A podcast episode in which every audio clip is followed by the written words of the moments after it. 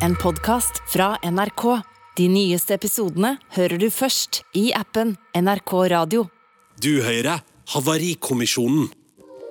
Jeg syns han var kjekk, selvfølgelig. Og også veldig sånn leken og veldig lite sånn pretensiøs. Brydde seg null om hva andre syns. Dette er eh, Ida. Hun faller for eh, Even. Utseendet har jo alltid noe å si med en gang. Så er det jo den derre hvor man bare kan prate, le og Det bare klaffa egentlig der med en gang. Og så Det bare på en måte føltes riktig, da. Men så begynner de å irritere seg over hverandre. Hvis jeg får en telefon og klokka er tolv, da høres du full ut, så er det sånn Da ble jeg forbanna med en gang. Da følte jeg det som altså nesten overvåking. Da føler man ikke at man har tillit. Når man er ung, så er det på en måte ikke så farlig å bli litt full, og sånn, men jeg har aldri syntes at det har vært noe behagelig når han blir skikkelig full. Det er bare usjarmerende, liksom. Og det ble en sånn kilde til krangel egentlig for oss alltid, da. Dette er eh, Havarikommisjonen. Jeg heter Eivind Sæther, og sammen med psykologene Katrin Sagen og Sindre Kvitil Aasli skal jeg dykke ned i det som en gang var en lykkelig kjærlighetshistorie, og prøve å finne ut hvorfor forholdet havarerte. Havarikommisjonen. Katrin, hva er det første du tenker når du hører det her? Her tenker jeg at det er masse følelser, lag på lag med følelser, hvor det er liksom ganske sånn eh, veldig spennende å dykke ned i dette. Bra utgangspunkt for dere, egentlig. da. Sindre, eh, de er litt sånn inne på sånn lett eh, festproblematikk. Er det en gjenganger hos dere? Ja, på linje med eh, krangling om hvor mye eller lite sex vi har, barneoppdragelse, svigermor er gæren, så er det en av En klassiker? En klassiker, ja. Ok. Vi skal sette i gang. Ida og Even eh, vokser opp på hver sin side av Oslo. Og så, når de begge er i 20-årene, så møtes de tilfeldigvis på et eh, utested midt i byen. Så var det vi to som satt og prata med hverandre, egentlig. Og det bare, ja Noen ganger så bare klaffer det, da. Noen helt naturlig. Og så husker jeg han sa, mens vi sto i et eller annet hjørne på den baren, at uh, vi to kommer til å bli sammen. Det vet jeg bare. Og jeg tenkte sånn, ja, fin sjekkereplikk, men ok.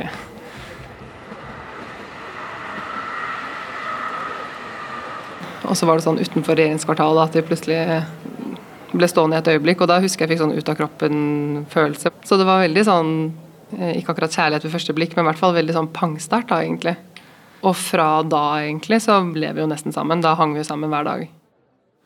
Det føltes ut som man hadde kjent hverandre lenger enn de tre-fire ukene, egentlig. Enkelt, lekent, god stemning. Jeg husker at jeg på en måte følte meg forstått for første gang ever, egentlig. At han bare leste meg som en åpen bok og følte meg veldig trygg, passa på. Altså, jeg spilte jo hockey ved siden av. Så Seks dager i uka gikk jo til det. Var ute rett i kamp med noen av de på laget. At man liksom gjorde sånne ting. Var ute med felles venner. Fikk trent mye sammen. Vi var et sånt par som var ganske sånn kjærlig. Sa liksom 'jeg elsker deg' flere ganger om dagen. Og sa alltid veldig mye fine ting. Eh, hvis jeg liksom var sånn 'men herregud, det her er ingenting du har å utsette på meg', liksom, så var det sånn 'nei, du er perfekt'. Han er syv år eldre, men på en måte med den personen han er, så tror jeg vi møtes veldig sånn på midten, og kanskje jeg er og har alltid vært litt sånn moden for alderen, og han kanskje ikke, da. Så og ja, veldig sånn leken type. Så hun merka liksom ikke så mye av den forskjellen. Vi har forskjellig familiebakgrunn, vokst opp på liksom, ulike steder av byen. Og jeg har nok vokst opp med at man skal ta utdannelse og gjerne mer enn tre år og osv. Og, og vant til at alle rundt meg gjør det. Eh, Mens han tror jeg var den første i familien sin som tok en høyere utdannelse. Ja, hun er vel fra litt mer A4-familie. Eller altså begge foreldre, to søsken, bor i hus og sånn. Jeg, jeg er vel da født Ja, eller altså bare hatt moren min, da. Siden jeg var liten. Der blir jo forskjellen ganske stor bare der, egentlig. Han hadde ikke utdannelse. Eh, Og det ble litt sånn en greie for meg etter hvert. Det var ikke så viktig for meg hva han jobbet med, eller sånne ting, men at han hadde utdannelse, det var viktig for meg. Eh, Både fordi at det er på en måte i dagens samfunn så er det viktig, men også for at vi skulle være liksom på bølgelengde. Aldri vært så veldig glad i skole. Mest glad i idrett og egentlig alt mulig annet. Så Så det var vel hun som pusha meg litt. Bidro da til at jeg faktisk begynte å studere. Selv om jeg hadde planer om det, så er det jo veldig lett å utsette litt. Vi merker at det er noen eh, skyer i horisonten her, men jeg tenkte å spole litt tilbake først, fordi det er jo en innmari fin start. De er glad i hverandre, Sindre. Ja, det, det sies jo at eh, det er ikke, kanskje ikke kjærlighet ved første blikk, men det er i hvert fall heftig tiltrekning ved første blikk eh, i regjeringskvartalet der. Og det er jo Gir en veldig god boost inn i et eh, parforhold som det blir for de, da. Eh, et parforhold er jo på en måte en, en eh, trebeint krakk. Og, okay. e- og e- et av de beina er jo eh, tiltrekningen, og den kommer pang. Huh, Hva er de to andre beina? Det eh, er vennskap, og det siste beinet, det er eh, forpliktelse. Eller altså det at Den der med det bevisste valget vi tar om at nå er du og jeg eh, sammen, og vi velger hverandre. Så de er, de er på plass fra start her. Altså Alle de tre beina på krakken sitter der de skal. Det høres jo sånn ut uh, helt i starten, men en krakk tar Det tar alltid tid å bygge en krakk. Fordi det tar alltid tid å i hvert fall bygge et godt vennskap. Katrin, vi merker jo at det er noe som uh, murrer litt her, når de begynner å snakke om uh, utdannelse. Det er som om at han gjør det for hennes skyld. Ja, sant. Og det gjør han kanskje Han forteller i hvert fall at han har jo ikke noen sånn forventning fra familien at han burde utdanne seg, på en måte, mens det har jo hun. At det er nok en kilde til, eh, til, til noe som kan bli ganske vanskelig mellom de, for vi vet jo det at eh, det der å komme fra noenlunde det samme, Ja. det, det gir ro i et par. Men jeg tenker på dette med uh, han eller hun er ikke som meg. Ikke sant? Eh, hvor lett er det å tenke sånn Åh, jeg skulle, jeg skulle ønske Jeg skulle ønske at han var litt mer glad i sånn. Jeg skulle ønske at hun trente litt mer. Ikke sant? Det der jeg skulle ønske om partneren, er det egentlig en farlig måte å tenke på? Um, nei.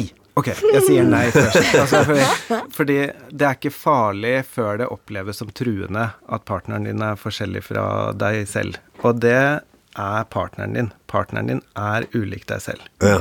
Eh, så, og de parene som håndterer dette på best måte, de klarer å snakke om hvordan de er forskjellige uten å kritisere hverandre for det. De klarer på en måte å em, på en måte utforske hverandres egenskaper og indre verden, og holde på nysgjerrigheten.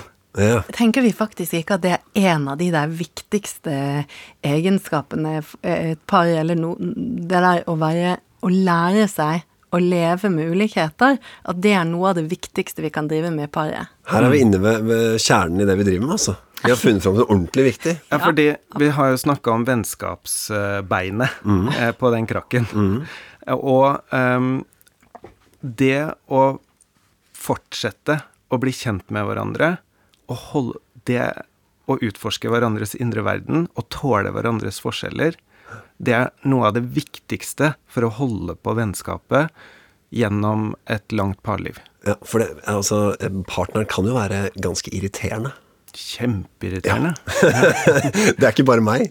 Nei, nei, nei. Altså, min mann eh, Han syns f.eks. det er utrolig irriterende at når vi skal rydde av bordet sammen, så har jeg en uvane med at jeg, jeg går litt til mine egne tanker, og så kan jeg liksom ta én skje av gangen og ett glass av gangen. Ineffektiv. Jeg kan være veldig ineffektiv. Ja. Ja, Hvis vi klarer å løse det der på en god måte, Ja. så, så begynner vi å tulle med hverandre. Men det er ja, ikke sant? Ikke sant? det som pleier å funke godt, er at han begynner å parodiere meg. En god parodi. Eh, ja. Men dere, der, der hvor eh, paret vårt er nå, er det noe spesielt de bør være obs på? Nå er de på en måte på vei der hvor forelskelsen har lagt seg litt, og de ser hverandre på en måte i det ekte lyset. Hvem er du, og hvem er jeg? Eh, hva skal jeg si? Det er litt skjørt sted i parets historie. Sant? For her er det man må begynne å velge litt, og begynne å utforske på ekte hva handler det om dette Det ekte lyset. Ja. Ok.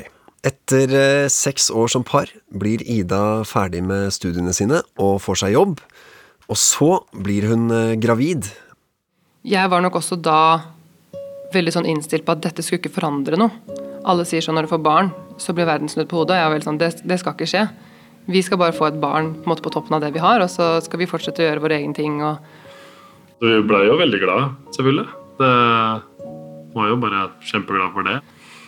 Den graviditeten gikk jo veldig smertefritt, egentlig.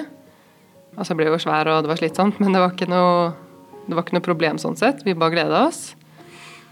Og så kom hun Det var jo superkoselig, det. Altså, kommer en ja, hva skal jeg si, liten baby.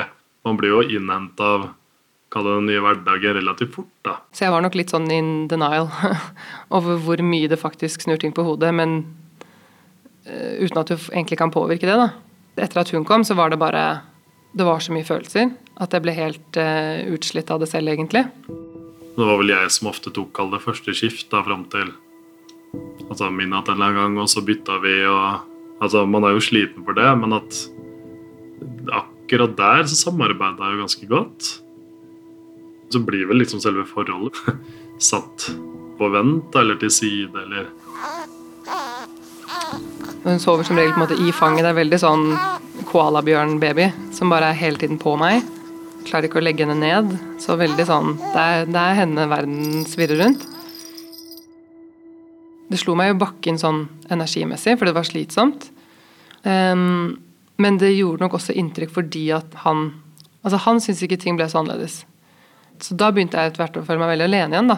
Så blir det litt sånn, om ikke dårlig stemning, men det er litt sånn tynga stemning. Og så, så tror jeg vel egentlig at jeg blir litt sånn Lukker meg litt. At, at prøver på en måte å vise støtte, og så Altså, det kan godt være at den ikke var god nok, men at jeg har liksom ikke helt overskuddet selv. Og da sitter man jo og ser på TV eller hører på podkast gjennom dagen, går noen trilleturer, prøver desperat å få henne til å sove. Det er på en måte det dagen handler om, er jo egentlig å få henne til å sove mest mulig. Hun har også en sånn gråt som bare går rett inn i hjerterota. Altså Du blir helt knust av hennes gråt. Men jeg fikk helt panikk for at hun skulle gråte, så jeg gjorde egentlig ikke så mye. Jeg turte ikke å ta henne med på kafé, jeg turte nesten ikke å ta bussen fordi det bare var så intenst. da. Kunne ringe da til han og være sånn når kommer du hjem? på en måte, Selv om jeg vet at det er klokka fire eller fem. Fordi jeg bare trengte sånn Åh, gi meg en pause. Så det tipper jeg han syntes var litt vanskelig. Men jeg kunne komme hjem og så bare hørte jeg et eller annet sånn negativt, så bare merka jeg at det ble sånn åh, orker jeg ikke. Går liksom bare og setter seg på TV. Da lukker man seg jo. Orka ikke å si noe. Var mye sliten. I tillegg til at jeg fikk lavt stoffskifte, så var på en måte både fysisk og psykisk veldig langt nede. Eller i hvert fall veldig tappet på energi. Litt sånn flat følelsesmessig. Greide liksom ikke å føle veldig mye glede. Masse bekymra. Og fikk vel etter hvert, men det tok ganske lang tid, kanskje et år, hvis ikke mer, før det ble på en måte ble identifisert som en sånn form for fødselsdepresjon. da. Og, og nå høres det ut som jeg på en måte bare gikk rundt i en sånn dyp dal i to år, og det, det var ikke tilfellet i det hele tatt. Men at det var mer enn jeg har vært vant til. For jeg har vært vant til å være veldig lite bekymra. De tingene som jeg syntes var vanskelig, tror jeg han tok veldig personlig. Hvis jeg ikke kunne føle på glede, f.eks., så måtte det bety at han gjorde noe gærent. Altså, han var forståelsesfull og sånn, men jeg opplevde ikke at han faktisk forsto det, for han klarte ikke å kjenne seg igjen i det. Hva er det som eh, skjer med dem? Sindre, hva tenker du? Um, det er jo et um, sterkt forventningsbrudd for henne, for hun har, hun har jo en veldig tydelig plan om hvordan det skal bli å få barn, og så blir det ikke sånn i det hele tatt. Um, sånn at det, det kan jo legge til rette for å bli ganske lei seg og, og få det vanskelig inni seg sjøl. Det hun trenger da, det er jo å kunne snakke med, om de følelsene med den som betyr mest for mm. henne. Og der begynner de å streve. Ja, ja og altså streve er riktig ord her, for de, de, er jo i gang med en sånn dustete dans. Det blir feil. De, de når jo ikke fram til hverandre. Og det er forferdelig å sitte fast i den derre 'jeg klarer ikke'. Jeg vil og jeg burde, mm. men jeg klarer ikke å si de ordene. Og så hører vi jo her liksom hvor overveldet hun er. sant? Hun er på vei inn i den depresjonen hun prater om. Mm. sant? Og de, den, den, på en måte det raser de vonde følelsene. Så eh, så sitter hun igjen med etterpå at du var ikke der for meg da jeg trengte deg som mest. Mm. Og det er det vi kaller for et slags knekkpunkt eller Ja. et parforholdstraume som må repareres. Man kan ikke gå videre uten kan, Det kan ikke ligge nedi der og late som det ikke har vært der. Men okay. vi kan reparere det, da. Ja, og da høres det positivt ut når du sier det. Og da er jo spørsmålet hvordan i all verden reparerer man? Og hvis man ikke er på kontoret deres, da. Ja. Hvis man er hjemme, og så kjenner man at sånn åh, jeg har egentlig ryket på et lite knekkpunkt her. Jeg har gjort eller sagt eller et eller annet har blitt veldig dumt. Hva er liksom den hjemmesnekra løsningen på å reparere? Det jeg tenker at de hadde trengt å gjøre her nå, da, er for det første å på en måte se at de er i en slags kamp. De blir som to fotballag som spiller mot hverandre. F eh, angrep, forsvar, angrep, forsvar, angrep, forsvar. Og de kommer ingen vei. Da kan man tre fra fotballbanen og opp på tribunen og se Oi, hva er det som skjer mellom oss nå? Og det skifter fra jeg og du til oss. Ja. Det gjør det lettere å komme ut av det. Men eh, altså det hun i paret opplever her, er jo en, en fødselsdepresjon som rammer mange. Eh, hva gjør det med et forhold? Eh, Det kan være veldig vanskelig, og det er en tristhet som på en måte er noe annet enn det vi snakker om når vi snakker om fødselstårer. For det kan se liksom også veldig voldsomt ut, at det bare raser ut tårer som aldri tar slutt. Men det, det er vanlig eh, på, og, og friskt, på en måte. Fødselsdepresjon er også vanlig, men sykt. Der trenger du på en måte hjelp utenfra. Og jeg bare har lyst til å trekke frem, er at en fødselsdepresjon det kan ramme både den som har båret frem barnet, og partneren. Altså, kan den som ikke føder, også bli fødselsdeprimert? Ja, det er riktig. Det er en diagnose som, som begge eh, foreldrene kan få. Og så er det mye forventninger til eh, hvordan det skal være å bli foreldre. Det gjelder jo begge, ikke sant. Så det er en veldig vond depresjon eh, om det er mor som har rammet, eller om det er far eller medmor som har rammet. Du skal ikke stå alene med det, verken den som har depresjon, eller partneren som pårørende. Så, eh, ok, så her må det på en måte proffhjelp inn. Eh, men jeg tenker jo altså som partner så føler man jo Man føler seg veldig hjelpeløs i en sånn situasjon.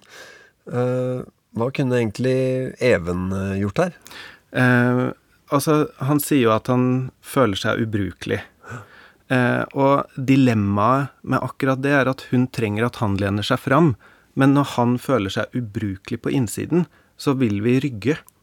Vi vil trekke oss tilbake når vi kjenner oss ubrukelig. Jeg er helt sikker på at han bryr seg masse om kjæresten sin. Um, men han syns det er vanskelig at hun strever.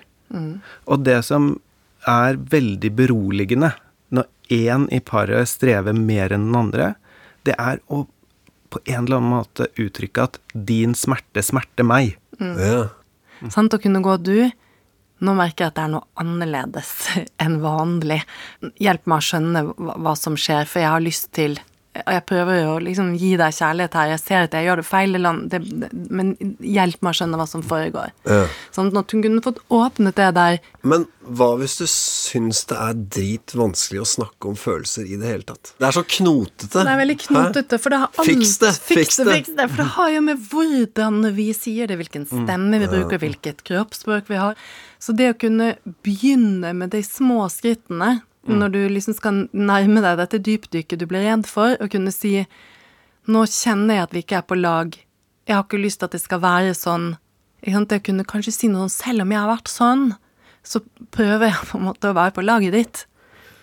Kan Ja. vi sammen gjøre? For det blir veldig annerledes i det vi kjenner at nå gjør vi noe sammen, enn at vi skal sitte på hver vår tue og argumentere, for du er jo tydeligvis helt idiot, og sånn som vi kjenner det for. Sånn. Så det å komme på samme laget, da er mye gjort. Det er så slitsomt. Det er dødsslitsomt. ja, det er bare, altså det er, Ja. Men det er det jeg mener med å komme fra fotballbanen og opp på tribunen. Oi, nå holder vi på med noe her som ikke er bra for oss. Så hvis vi klarer å stå sammen og se på at det vi driver med, funker ikke Med en gang man klarer det, så har man et lite steg på riktig vei. Det er noe sånn med å bare stadfeste det. Ok, nå er det vanskelig. Alle par eh, kommer til eh, å ha det vanskelig. Vær sammen! Stå i det sammen! Ah! Deilig! Havarikommisjonen. Eh, vi skal videre. Ida har altså slitt med denne fødselsdepresjonen en stund, og når den til slutt begynner å slippe taket, så er det som om de to er på helt forskjellige steder. Jeg var glad i å møte kompiser og ta en øl og se på fotball. Da var det sånn jeg dro ut mine venner, han med sine. Vi trente jo ikke så mye sammen. Slutta jo litt med det. Det var ikke så ofte at vi to gjorde noe sammen, egentlig. Vi har det så bra, så det er ikke det er sånn Vi ser hverandre hele tiden. Mens vennene våre ser vi jo aldri. Det var liksom sånn det var, da. At man, ja, man hadde på en måte hver sin gjeng man hang med, da. Fra ganske tidlig av i forholdet, egentlig, mm, så var han på en måte i en sånn kultur fra sin idrett, da. Med at det var en del sånn Altså Hvis man først var ute og tok seg en fest, så ble det en skikkelig fest, da. Altså Når man er ung, så er det på en måte ikke så farlig å bli litt full, og sånn, men jeg har aldri syntes at det har vært noe behagelig når han blir skikkelig full. Det er bare usjarmerende, liksom. Og det ble en sånn kilde til krangel egentlig for oss alltid, da. Når han kom hjem seint og var veldig full, så holdt jo det meg oppe hele natta, fordi da Enten så lå han og snorka eller lå på tvers. Altså et eller annet på sånne småting som gjorde at da får ikke jeg sove. Og så er det én ting når du er barnløs og student eller hva det måtte være, men um, da vi fikk barn, så det var veldig sjeldent. Men hvis han dro ut, så var det på en måte litt den samme greia, da. Ja, jeg tenkte jo at det var greit, og så tror jeg liksom etter en, en stund så ja, liksom Ok, ble enige om at det skulle komme litt tidligere hjem, da, eller altså sånne type ting. Merka jeg når jeg var ute, at jeg, jeg hadde ikke lyst til det. Og pusha på en måte den lite grann. Jeg får en telefon og klokka er tolv. Altså, da høres du full ut, så er det sånn Da ble jeg forbanna med en gang. Da blir det jo dårlig stemning. Da følte jeg det som altså nesten overvåking, på en måte. Da, da føler man ikke at man har tillit. Så um, når han sier at han er selvfølgelig det er jo helt på trynet å komme hjem klokka fire og være full, liksom. Neste gang så slutter jeg å drikke klokka tolv og komme hjem klokka ett. Og så skjer ikke det. Så blir jeg fly forbanna. Så det fortsatte vel egentlig å være en sånn greie gjennom eh, nesten hele forholdet, egentlig. Så ja, vi gled nok litt fra hverandre der. Jeg tror ikke vi var så nysgjerrige på hverandre. En ting som jeg husker plaget meg litt, var at jeg alltid vært glad i å lese. Så jeg hadde sånn, en måte, sånn illusjon om at um, et par på en måte ligger i sengen og leser sammen før man legger seg, liksom. Og det skjedde jo aldri. Så ofte så kunne jeg gå og legge meg før han og lå og leste, og sovnet lenge før han kom. Og det syns jeg var kjipt. Det husker jeg jo var på en måte et issue òg, da. Jeg tror hun la seg rundt ti eller noe. Jeg la meg tolv-ett. Jeg fikk kjeft fordi jeg la meg for seint. Jeg klagde litt på at liksom Kan du ikke være oppe litt lenger? Altså, jeg får jo ikke sove så tidlig. Eh, altså, ja, gjorde man liksom avtale at man skulle legge seg likt, i hvert fall noen ganger, da. Altså, ja, det ble vel liksom aldri noe ordentlig ordning på det. Hvor viktig er det å legge seg sammen? Altså, hvor viktig det er å legge seg sammen. Det er jo det er viktig å ha kontakt, da. Og være i nærheten av, av hverandre og tilbringe tid i senga sammen. Ja, for jeg, jeg tenker som deg at det, det, som er viktig, er å ha et intimt eh, liv sammen på en eller annen måte. Sant? At det både handler om kroppskontakt, men også handler om emosjonell nærhet og det å ha det gøy sammen. Sant? At det er ulike Intimitet består av flere, flere ting enn bare liksom legge seg sammen. Men her blir jo det der også et bilde på den andre avstanden som har oppstått mellom de, tenker jeg da. Men her høres det ut som nesten alt blir litt uh, keitete. Mm. Og det er sånn, også jeg tenker på sånn Det der å gå ut når man endelig har litt uh, tid for seg selv, og det er noen barnevakt og sånn inne i bildet, å gå ut sammen med kompiser f.eks., er jo noe av det beste som fins i hele verden. Mm, og det skal man jo, ikke sant. Begge to skal få lov til å gjøre egne ting. Og så er det dette som For alle par så er det jo viktig å prioritere parforholdet sitt. At det ikke forsømmes. Og så er det noe som er litt spesielt når noen har fått et barn, og det er det at i de ja, men som hun sier, de to første årene, da er parforholdet forsømt. Det må forsømmes, for det er så mye annet paret eller personene må drive med. Mm. Eh, og så kommer vi til et punkt hvor parforholdet må prioriteres igjen, og det må man liksom aktivt gjøre selv. Hvis ikke så forblir man på den frekvensen hvor vi lever mer parallelt. Så hvis man nå eh, kjenner at eh, parforholdet, parforholdet er litt Ja. Mm. ute og, og sykler, hva er trikset for å få det tilbake igjen? Altså, hvordan får man inn vi-et? Sant? Det er jo å begynne å prøve å begynne å tenke på parforholdet. Det var mange r-er for en berg her. Så, Eh, så, så no, noe man må ta vare på. Ikke som bare som en, en slags kontrakt vi lever under, men det er liksom noe helt konkret eh, som har behov. Så vi må liksom tenke litt sånn hva vil jeg, hva vil du, og hva vil paret vårt? Sant? Dette, hvis de hadde stilt det spørsmålet Nå vil du ut og se på kamp med gutta og, og drikke. Jeg vil lese bok eh, og prate. Men hva vil paret vårt? Det vil ut og spise middag og ligge sammen etterpå. Ja. Så det gjør paret til en person, på en måte? På en måte. Men når man er på dette stedet de er, så har de jo egentlig sikkert ikke så lyst til å sitte over en middag. For det kjennes ut som at Eller det, hvorfor skal det bli noe hyggelig? Og hvis vi begynner å drikke litt sammen, så blir det kanskje i hvert fall ikke hyggelig. Men, men så, så det de må gjøre, er egentlig bare altså, De må bite tenna sammen på vegne av parforholdet. Og, og aktivt gå inn. Det er den eneste muligheten å få det til på. Jeg Ja, jeg mener, den middagen mener på. det. Ja, sant. Barnevakt Rust deg opp ut. med mot. Få, få tid sammen. Prøv å begynne å rydde i hvor vi mistet hverandre. Kjenn etter og vis hvordan det er viktig for deg. Eh, og, og kom inn med på de der samtalene. Hva vi lengter etter. Hva De vi burde jo trent sammen igjen. Ja, Ja, absolutt. det er jo enkelt. Eh, dette med, altså jeg tenker på dette med dynamikken deres. Så er det akkurat som om eh, hun på en måte blir så oppgitt over han og lurer på hva han driver med, hvor han er, at hun nesten begynner å overvåke han litt. Dette peker nok på eh, tillit, mistillit. Fordi at hun har erfart at han gjør ikke det han sier at han skal gjøre. Men det sant? blir jo bare verre når hun Selvfølgelig. ikke åh, Og jo mer redd hun er og overvåker, desto mer trekker han seg tilbake. Ja.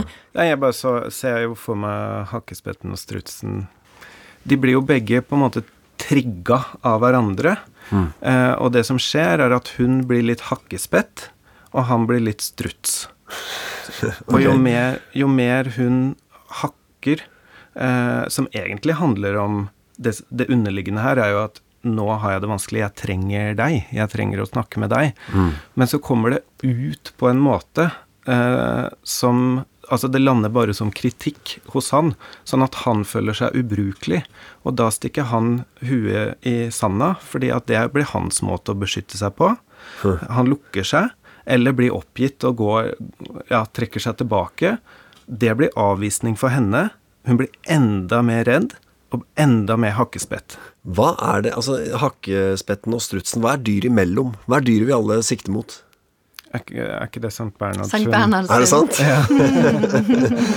Ja, skjønner. Så idealet er Hvordan er en Sankt Bernhardshund, da? Nei, den eh, eh, sagnet om eh, de, de Sankt Bernhardshundene som vi alle har sett bilder av, er jo at de eh, Deres jobb var å finne folk som hadde gått seg vill i fjellet, og snuste de opp, kom ned, kom dit de var, la seg ned ved siden av de, sånn at de ble varma opp, og fulgte de tilbake til tempelet. Rørende opplegg. Nei, det- altså, det høres jo i overkant vanskelig ut å være en Sankt Bernhardshund, må jeg bare si. Det er ingen som er jo, klarer det er ingen som er det hele tiden. Sant? Vi, vi går inn og ut av ulike roller og dyr, for å si det sånn. Ja. Når man er i denne dustete dansen, så er det som om, om eh, øyeblikkene blir liksom enda mer viktige. Altså hvis man, hvis man går bort da og tenker sånn Ok, greit, nå skal jeg nærme meg litt. Nå prøver jeg, nå går jeg for en klem, skjønner du? Altså, nå, nå tar jeg litt tak her.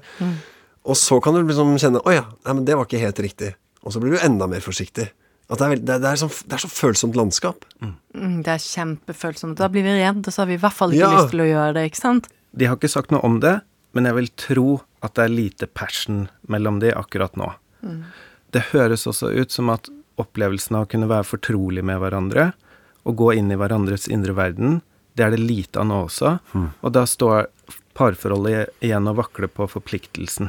Så det, hvis vi tenker at disse her nå har forpliktelsen som på en måte er det hele parforholdet hviler litt på akkurat nå, så går det jo an å gå litt dit også og si noe som sånn Du, nå er det dritt. Nå har vi det vanskelig. Ja. Men eh, vi, vi skal ikke skille oss, du og jeg. Vi skal ikke gå for hverandre. Vi, vi, vi gjør dette her nå. Nå er det vanskelig, bare. Et eller annet sånt. Bare det å, å bli enig med at ting er dritt, Ja. er ganske deilig. Det er veldig deilig. Det pleier vi å gjøre hjemme hos oss. Ja. Da, da sier vi det. Så jeg kan enten min mann eller jeg si 'nå går det skikkelig dårlig'. Ja. Men det, for oss fungerer det veldig fint. Men dette paret er liksom sånn litt sånn fastløst i denne kjipe dansen som vi snakket om, som de liksom er i dette mønsteret, hvor de er mer i ytterpunktene av seg selv. Begge to må komme litt til bords og si hvordan det egentlig kjennes. Jeg har jo ikke lyst til å overvåke deg. Jeg har ikke lyst til å måtte ringe deg heller. Jeg har lyst til å være trygg på at du kommer når du sier. Jeg har lyst til å være en kul dame som lar deg gjøre det du vil, på samme måte som at jeg vil at du skal la meg gjøre det jeg vil. Sant? Det er det de vil. Så det å komme dit og liksom si hvordan Nå er vi feil Ikke sant, det der igjen å prøve å finne ord for Nå er vi ikke på lag. Det er usunt for oss. For oss. Bra. Vi skal høre hvordan det går med Ida og Even. eh, For der har ting bygget seg opp over tid. Og så, etter en kveld på byen, så kommer det store oppgjøret. Vi har fått barnevakt, jeg skulle ut med mine venner. Han skulle egentlig bare være hjemme. Men så kommer jeg hjem, og så har han vært på byen likevel uten å si fra. Og er full, og da begynner vi å krangle, da. På et eller annet tidspunkt i samtalen da, så sier han Ja, utenom datteren vår, så har vi jo ingenting til felles. Hvor jeg sa sånn Hva mener du, ingenting til felles, liksom? Elsker du meg ikke? Og så greier han ikke å si det, da. Og litt sånn pusher han og pusher han. og Etter hvert så sier han 'jeg har elsket deg'. Full panikk, selvfølgelig. Og helt knust. Bare grining. Da tror jeg egentlig hadde gått og gnagd på ting ganske lenge. Og det ble tydelig at han hadde mista sine følelser. Ja, og at for hans del da, så var kjærligheten borte. Mens for min del så hadde den begynt å komme tilbake. Jeg gir ikke så mye, men jeg får ikke så mye tilbake heller. Det er sånn jeg på en måte opplever det. Og det er jo det som setter i gang i hvert fall en del av den krangelen der. Og jeg hadde jo spurt masse i løpet av det året som hadde gått. Eh, Sånn har ikke du noe som du sliter med, på en måte. Her sitter jeg og syns ting er vanskelig. Det eh, kunne vært nyttig å på en måte dele litt erfaring, men det syns han aldri, da. Nei, altså Det var jo en krangel da, og så snakka man jo sammen dagen etter. Men da liksom Da har man på en måte tråkka over en terskel, da. Egentlig. Men det var jo bare sånn Sånn følelsesmessig så var jeg veldig lei meg, men jeg tenkte at dette kommer vi oss ut av. Dette kommer han over. Det gikk jo noen måneder liksom da, hvor man liksom prøvde å jobbe med det. Jeg hadde på en måte ikke gitt noe i forholdet på en stund, da. Og følte at ja, det var så mye negativitet. Det var mye dritt. Man klarte liksom ikke å hente noe energi fra hverandre. Det var liksom så trykka stemning. Kom hjem fra jobb, så er det liksom Ja. Det er, det er dårlig stemning generelt, da.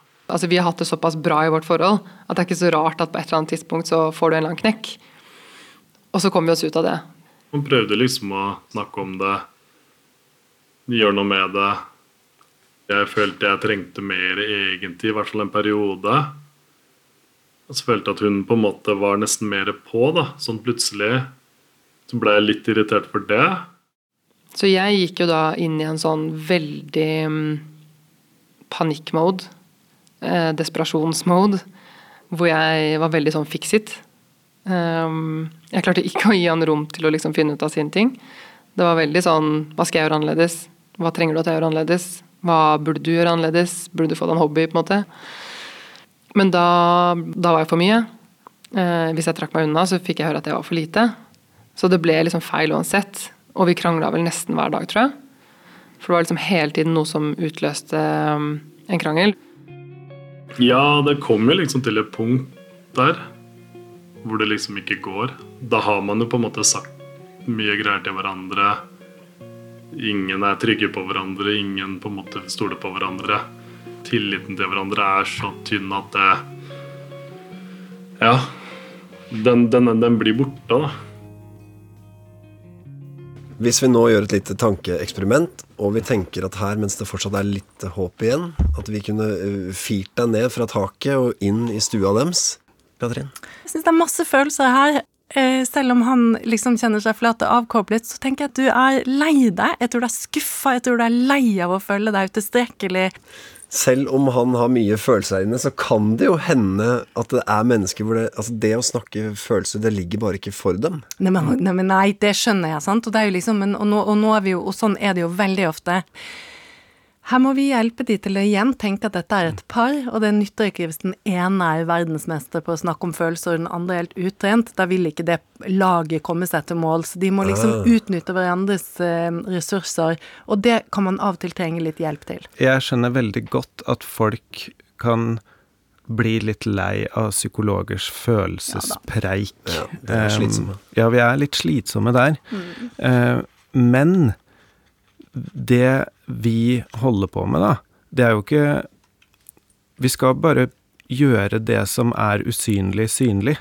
Det tenker jeg hjelper par til å forstå hverandre bedre. Og, og hvis man ikke kommer seg inn på kontoret deres, da, men man sitter hjemme og har en idé om at jeg vil gjerne hente dette fram, jeg vil gjerne finne fram til det her i meg selv, jeg vil gjerne få sagt det jeg burde klare å si, hva gjør man? Du prøver å kjenne etter egentlig hvor gjør dette mest vondt. Ja. Og det du kan prøve å gjøre, det er å ta heisen fra hodet og ned i kroppen din. Og prøve å kjenne etter hvor ubehaget sitter. Og, og når jeg finner ubehaget, så Altså det er jo det der med ord, sant. Å prøve å sette hva er, hva er den klumpen. Og prøve å si til Det man kan gjøre, si til seg selv Oi, er det redd? Mm. Nei. Er det Er det trist? Ehm, nei. Mm. Sant? Er det sint? Ja. Mm. Er det noe mer? Ja, egentlig litt lei seg òg. Ja, man kan drive litt sånn jo, Det trenger man ikke å si til noen, det der gjør man jo alene, ikke sant. Mm, og det, det, det kan være et første eh, skritt. Og nå kommer jeg til å tenke på ting når du, når du, snakker, om, du snakker om ord og ikke-ord. Eh, han har jo eh, noe han sier til henne som er nesten sånn en, en filmatisk eh, kommentar, hvor han liksom ikke lenger vet om han elsker henne. Og så tenker jeg, fins det ord man sier til partneren sin som det aldri går an å komme tilbake fra? akkurat det jeg vet ikke om jeg elsker deg lenger det, det høres jo veldig dramatisk ut, man kan bli veldig skremt av det, sant? Men samtidig så er det ganske vanlig i et parforhold at vi er på steder hvor vi ikke vet om vi elsker. Det går opp og ned, vi faller inn og ut av kjærligheten i et parforhold. Og hva er det som skjer? Hun blir jo panisk, sier hun. Det er veldig vondt. Eh, Men panikken får henne jo til å bli veldig motivert. Til, fordi at hun er ikke ferdig. Plutselig kommer motivasjonen, og hun tenker sånn skal jeg, Ok, skal jeg lene meg fram? Skal jeg lene meg tilbake? Hva trenger du? Sånn at det, det finnes jo egentlig et potensial her. Fordi at hun får så lyst til å holde på kjæresten sin. Det er spennende, for da kan vi jo egentlig bare hoppe tilbake i historien.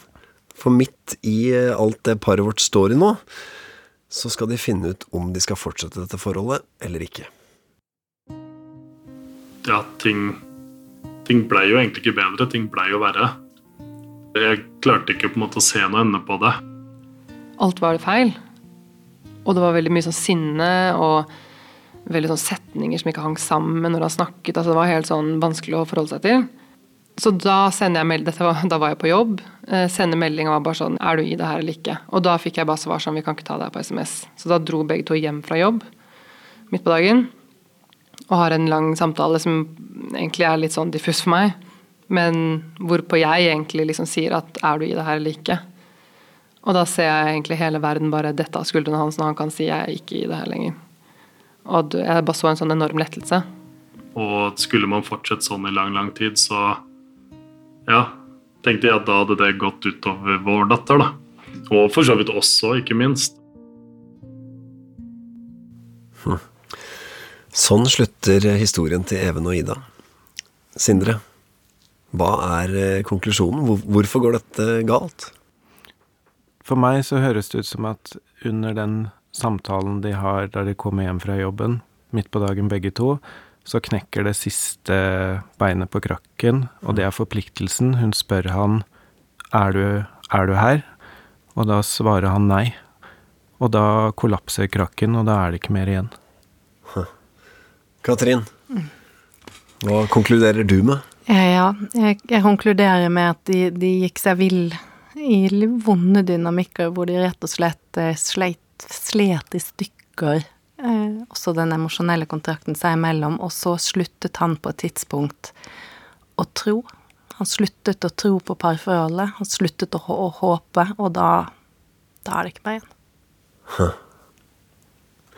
Dette med um, å ha ulike oppfatninger om hvorfor det blir slutt, er det altså, holdt på å si, Betyr det noe? For man går jo som regel hvert til sitt. Trenger man å bli enige om akkurat hva som har skjedd? Det er jo i hvert fall nyttig å kunne ha Å kunne dele samme historie. Eh, hvis vi har veldig forskjellige historier, så nører jo det gjerne opp under konflikt. Og i hvert fall de som eh, går fra hverandre og har barn sammen, eh, skal jo mm. forholde seg til hverandre videre. Eh, men akkurat når bruddet er et faktum, så vil mange streve med å få en sånn veldig sammenhengende og sammenfletta historie om hva som har gått galt. Eh, mye på grunn av at man har veldig ulike oppfatninger også av hverandre. Kanskje det burde vært sånn at man møttes. Altså sånn Der det møttes første gang, etter at det er slutt, så går det et år eller to eller fem, og så møtes vi der, og så tar vi en øl, og så snakker vi om hvorfor det blei som det blei. Kanskje. Jeg syns det var ganske ja, god idé. det kan funke for noen, det. Mm. Og det å klare å lande ganske raskt lande hva er historien om oss eh, som vi forteller barna vårt. Det er den viktigste historien. Ja, den er veldig god hvis man klarer å lage en historie som begge to kan stå bak. Det er viktig. Mm. Even og Ida, nå har dere hørt hva terapeutene har sagt. Um, og da lurer jeg jo på, Ida, uh, hva syns du om det ekspertene har uh, kommet fram til? Jeg syns jo mye av det er uh, ganske spot on og, og, gjenkjennbart. Samtidig som at det er vanskelig å måte oppsummere og konkludere et så langt forhold på, på kort tid. da. Um, for eksempel så syns jeg den, den biten som handlet om min fødselsdepresjon, den overskygget nok litt sånn min opplevelse av alt det fine med å få barn. Så den syns jeg kanskje ble litt overdrevet, samtidig som at uh, det er viktig å sette fokus på. Uh, det som, som, jeg tror stemmer veldig godt, er det med å aktivt prioritere parforholdet. Egentlig både før og etter vi fikk barn. Mm. Og der var vi helt klart for dårlig. For lite nysgjerrig på hverandre og for lite opptatt av å på en måte også være bestevenner, i tillegg til å være kjærester og foreldre. Det er kanskje den biten jeg kjente meg aller mest igjen i. Ja, ja. Even, er det sånn at uh, dette lyder kjent for deg også? Ja. Følte liksom veldig mye av det praktiske fiksa vi, og så var det på en måte alt altså rundt forholdet, men ikke selve forholdet, da. Mm. Men jeg syns jo også de på en måte treffer mye av altså de psykologene. da. Man kan jo kjenne seg igjen i veldig mye av det. Hva annet var det du merka deg at de snakka om? Har de kalt det for Hakkespetten og strutsen? ja, ja. ja, jeg kjente på en måte meg selv igjen en del der, da. Det er sånne klassiske dynamikker man faller inn i. Ida, er det sånn, er det sånn at du tenker at noe av, noe av det du har hørt, er ting du vil ta med deg videre? Ja, absolutt. Eh, kanskje da særlig dette med å på en måte aktivt være prioritere hverandre. da, og jeg husker Da vi var sammen, så snakket vi litt om at sånn forhold burde ikke være en jobb. Eh, som om det var liksom noe negativt, men at det kanskje egentlig kan være en positiv ting. da. Det å jobbe med forholdet eh, trenger ikke å være negativt ladet. eh, men at det egentlig kan være noe fint, og at man må bruke tid på det. Det er jo kanskje det jeg tar mest med meg. tror jeg. Så bra. Eh, Even, hvordan vil du si at forholdet deres er eh, i dag? Ja, det er veldig bra nå, egentlig. Det har jo på en måte vært en prosess. Begge setter vårt felles barn først. da. Og begge er på en måte interessert i å få det til å funke. Jeg syns jo det er bra. Det er jo rart å skulle finne den der balansen på nytt. Hva, hva tenker du, Ida, om åssen eh, dere funker sammen? Vi funker absolutt eh, mye bedre sammen nå enn de månedene etter bruddet, i hvert fall. Ja, veldig sånn samkjørte på datteren vår. Og så tror jeg vi har en, fortsatt en vei å gå før det på en måte føles naturlig eh, å finne liksom den nye relasjonen, og kanskje særlig med andre. Altså, når vi tre er sammen, så går det greit. Takk til Even og Ida som delte sin historie. Har du lyst til å høre andre parhistorier, så finner du flere episoder av Havarikommisjonen i appen NRK Radio. I neste episode får du møte Harald og Marian. Jeg var en skikkelig drittsekk. Jeg gikk vel egentlig bak ryggen på og lot som ingenting. Og da måtte jeg konfrontere han med det her. Ja, Han måtte være så vennlig å fortelle meg hva, hva er det med henne? Hva er det hun har som ikke jeg har? Vil du og din ekskjæreste dele deres historie og høre hva parterapeutene har å si om forholdet deres, så sender du en mail til havarikommisjonen krøllalfa nrk.no. Denne episoden av Havarikommisjonen er laget av Caroline Møller, Stig Kalsek Sulland og Maja Østerud. Lyddesign Hilde Rolfsnes og Lillian Grønning. Redaksjonssjef er Randi Helland. Mitt navn er Eivind Sæther. Eksparet som er med i denne episoden, har valgt å ikke bruke sine egne navn. Du har hørt en podkast fra NRK. De nyeste episodene hører du først i appen NRK Radio.